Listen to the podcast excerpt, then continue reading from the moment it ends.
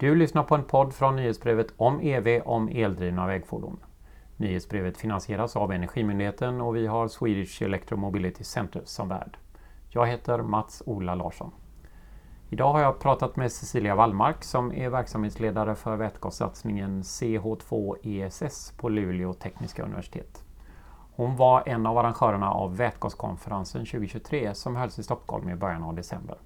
I dagens podd berättar hon om konferensen och vad som händer på vätgasområdet.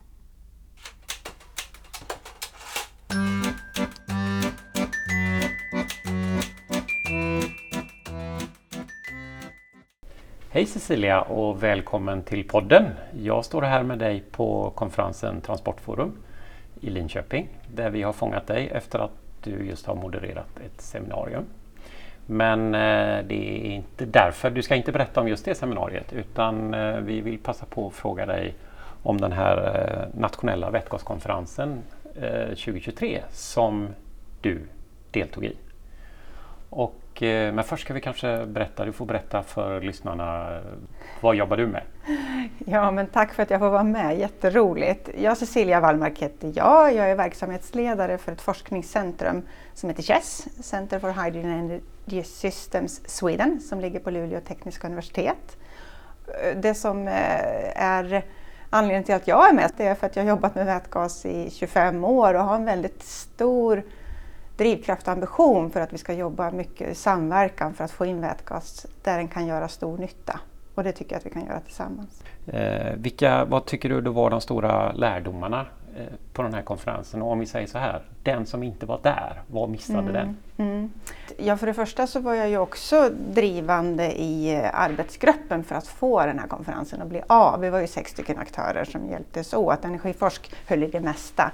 Sen var det också Luleå tekniska universitet, Energiföretagen, Energigas Sverige, Vätgas Sverige och RISE. Och den, den, som var där, hoppas jag, upplevde att vi är väldigt många som jobbar med vätgas i Sverige. Jag hörde de som gick runt i minglet där och säga att inte visste jag att vi var så här många som jobbar med frågan. Eh, och, och, har så mycket olika projekt på gång och så vidare. Och det var det också som var bland annat min målsättning. Att vi ska kunna samlas, vi ska kunna visa vad vi är starka på, att vi är starka på flera olika saker i Sverige och att vi har en, en bra gemenskap och, och, lyfter och stärker varandra också på ett väldigt bra sätt. Så jag såg konferensen och kände konferensen som ett sätt att fira också på vilka framgångar vi har byggt upp och har precis nu i, Sverige. Men du framgångar, vad menar du i framgång i bemärkelsen kompetensuppbyggnad eller mm. marknad eller vad är det du menar? Bra. Många gånger så tänker ju vi och omvärlden på Sverige och vätgas, då ser man vet om att vi, att vi eller att aktörerna har lyckats skapa det, världens första fossilfria stål i Sverige. Det är känt att Hybrid, Vattenfall, LKAB och SSAB har lyckats med det. Det är känt i världen. Men, men det är mindre känt att det också finns många aktörer som jobbar med forskning sedan många tiotal år tillbaka, universiteten. Att det finns aktörer som jobbar med eh, elektrobränsleproduktion, att vi har två stycken stora lastbilsfordonstillverkare som är inne på det här området, att vi har många faktiskt väldigt viktiga komponent och systemleverantörer. Säg Powercell, Aleima, Permascand och så vidare. Så det finns betydligt mer när vi samlar allt det här än, än, än eh, vi har eh, både en bild av från oss själva och att omvärlden ska se det. Och det var det vi lyckades tyckte jag på den här konferensen. Både då att vi fick med en mässdel där det var ett 20-tal företag som är stora eller små. Både har innovativa lösningar så att säga men också komponenter som säljs och är bland de bästa i världen. Och att kunna få visa upp det och att vi tillsammans både ser det här och kan hjälpas åt att förmedla det till andra. Det är det vi också tycker jag lyckades med. Ni gjorde en sammanställning av vätgasaktiviteter i Sverige under de här dagarna. Mm. Vad kom ni fram till där om du ska generalisera lite? Dels så hade vi en workshop där vi jobbade just med den här bilden av oss själva. Vad är det för någonting vi vet att vi är starka? Sen så samlade vi också, vi hade ett roligt koncept där vi la ut en, en fyra meter lång Sverigekarta i mässhallen.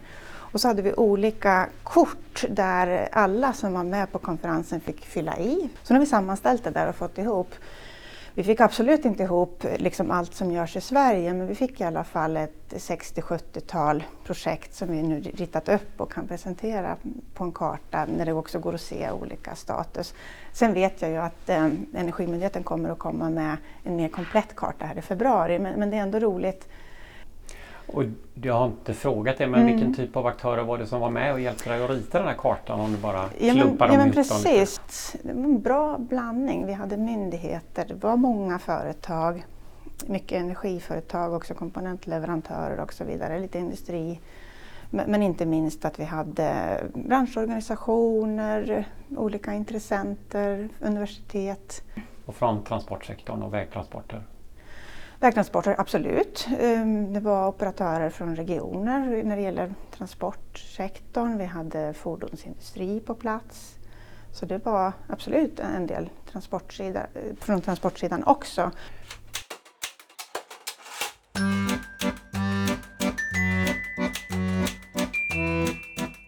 På den här kartan, eh, det som, är, som ligger närmast vägtransporter som vi jobbar med mest i vår podd, mm.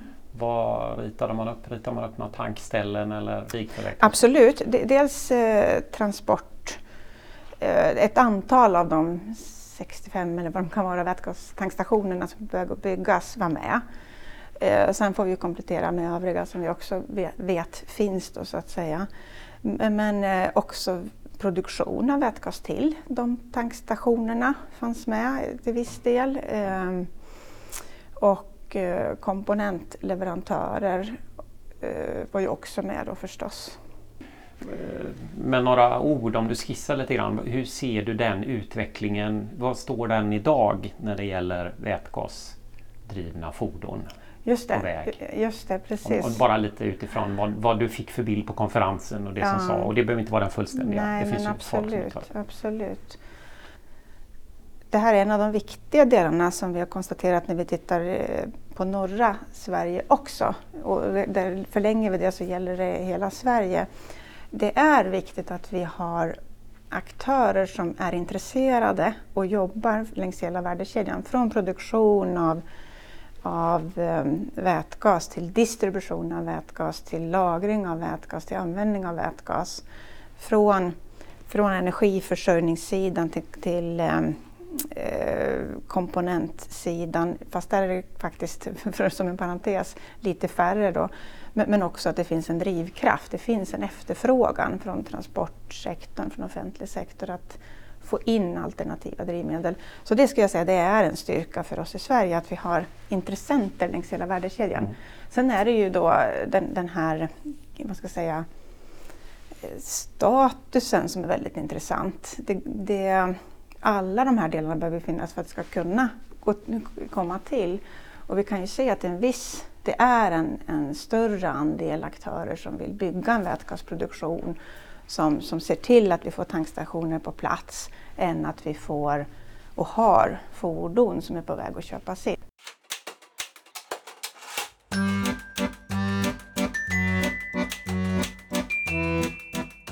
Ni diskuterar ju också situationen för vätgas i Sverige jämfört med andra länder. Kan du säga något om vad du tycker Sverige ligger långt fram i? Alltså andra länder, det blir ju alla andra egentligen, mm. borde man jämföra mm. land för land. Sådär. Men om du, ska, om du tittar utomlands mm. lite allmänt mm, mm. och så säger du det här, här ligger svenska aktörer långt framme mm. och det här är sektorer där några andra länder ligger längre fram. Mm, mm, kan du dela upp det på det viset? Jo, absolut. Eh, och det går att svara väldigt, väldigt långt på det. Jag ska försöka, ja, jag ska försöka sammanfatta det lite. Ja. Ja, men, eh, nu måste jag ändå, vill jag ändå svara rätt eh, brett då, inte bara transportsidan. För det är klart, nej, nej, nej, det, för, för, det är klart att Industrin är väldigt mm. stark och har eh, ju haft en egen drivkraft och har en egen drivkraft på att både bygga, bygga nytt som H2 Green Steel som att förändra sin nuvarande industri som också till exempel drivmedelsaktörer vill göra. Och sen eh, så tycker jag att det är eh, viktigt igen att lyfta att vi har både institut och forskningsuniversitet som ligger långt fram och har jobbat många årtionden i vissa fall då med att ta fram innovativa och, och bättre komponenter Så där, där, då är det några av de exemplen där Mm. vi ligger väldigt långt framme. Men det som vi också mm, fick fram och, och blev påminda om på konferensen det, under den här workshopen bland annat, det är ju att vi, vi har billig el, vi har biomassa, vi har hög kompetens, vi har, en, vi har ett intresse och en vilja för att genomföra förändringen. Å ena sidan. Men sen å andra sidan, nu kommer jag att tänka på inte bara vad som var på konferensen utan också nu, nu här efter att man har gjort någon ny jämförelse och sett att liksom verkligen fått även svart på vitt där att Sverige ligger längre tillbaka när det gäller hur snabbt vi kan få till, få till tillståndsprocesser till exempel. Så eh, det, det, men, men det som pratades mycket om på konferensen, det tycker jag ändå, det, det var ju just den här som i och för sig är giltigt för övriga världen också, men det är skillnaden mellan viljan att bygga projekt, oavsett om det är produktion eller användning eller något däremellan, och möjligheten att få kapital och faktiska beslut till det. Det är minst lika svårt att få till det här i Sverige. Vissa bör liksom titta på att eh, vi ser att det finns eh, mer stöd och det har ju också varit känt sedan tidigare att man har lättare att frångå statsstödsreglerna i Tyskland för att få till mer fordon. Man har lättare att och ha snabbare tillståndsprocesser så nära land som Finland än i Sverige. Så, så det handlar ändå om att vi har många hinder som vi verkligen behöver ta hand om och, och arbeta med. Kan du ta ett eller kanske två exempel på vad någon deltagare på konf- konferensen sa att Sverige bör göra nu? Du har ju varit inne lite Mm, grann på processer och sånt. mm, Kan du ta, var, det, var det något specifikt som du själv reagerar på? Det där är ett intressant spår. Ja, men jag, kan, jag kan svara på det här sättet. Det jag liksom kände mig mest bekymrad över att, Mm. att vissa väldigt viktiga aktörer på området nämnde och lyfte när vi pratade runt omkring, det var just den, just den här finansieringsdelen. Att, att våga göra sin investering. Att, att det blir tillräckligt mycket stöd och, och politisk långsiktighet för att våga göra det.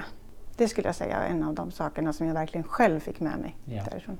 Det finns ju mer, jag tänker från, från oss på forskningssidan som jobbar med väldigt brett. På, på vårt universitet, på Luleå tekniska universitet, jobbar vi ju med forskningsfrågor både på systemnivå, energiförsörjning, hur ska vi få energin att räcka till, eh, men, också sådana frågor som det finns faktorer kring vätgassäkerhet, kring certifieringsfrågor. Hur ska vi lyckas säga att det är mer värt med ett stål som har producerats 100% från förnybar energi eller bara 5% som ju också är på gång i världen. Så att, och materialfrågor inte minst, kallt klimat. Hur ska, hur ska vi lyckas få de här komponenterna och materialen att klara kallt klimat? Vätgasledningar under jord i, i, i kärl. Liksom.